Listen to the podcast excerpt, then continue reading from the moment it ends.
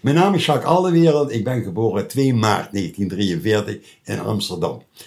Mijn ouders waren Joods en u kunt zich voorstellen, midden in de oorlogsjaren was dat niet plezierig en niet goed, want de Joden werden vervolgd. En ik, hoe ik u vertelde, ben op 2 maart geboren, midden in de oorlog.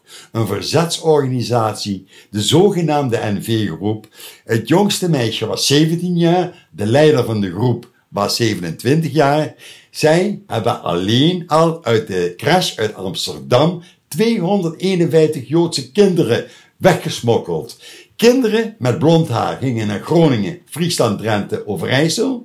En kinderen met donker haar, die gingen naar het zuiden van het land, dus Limburg. Waarom naar Limburg?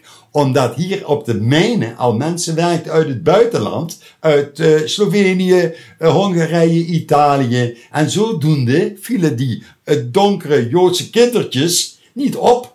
Zij konden dus ook nog vrij, als ze al iets ouder waren, gewoon al buiten spelen. Heel veel mensen hebben in Brunsum hun harten, maar ook hun deuren opengezet om onze levens te redden. Wat zij deden met het gevaar voor eigen leven. Hoe kun je die mensen nu iets terugdoen? Met geld? Nee. Wij hebben dus de mogelijkheid gehad en geboden om de mensen een monument aan te bieden. Het zogenaamde Joodse monument in het Vijverpark in Brunsum. Het ligt gelegen achter het gemeentehuis. Het monument is een vorm van een karrewiel, van gietijzer gemaakt. In het midden van dat karrewiel staat een tekst, Jesaja 35 vers 7.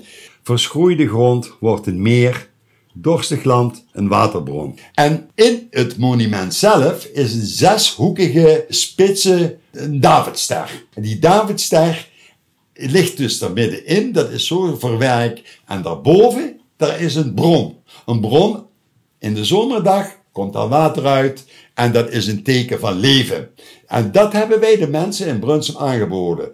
Zij hebben niet alleen hun huizen opengesteld voor ons, maar ook hun harten. Zij hebben het gedaan mensen te redden die zij niet konden. Moet je vandaag mee komen. Zij hebben mensen gered die zij niet konden. Met een gevaar, ik zeg het nadrukkelijk, voor hun eigen leven. Hun harten zijn opengesteld en hun huizen zijn opengesteld. En dankzij deze Brunsumse bevolking hebben wij ons leven te danken. Dankbaar zijn we dat wij dit konden aanbieden aan de Brunsumse bevolking. En daarbij wil ik zeggen, al die kinderen, over 251 kinderen verspreid in de hele wereld, waren op 7 mei 1989 aanwezig toen wij het monument aanboden aan de Brunsumse bevolking.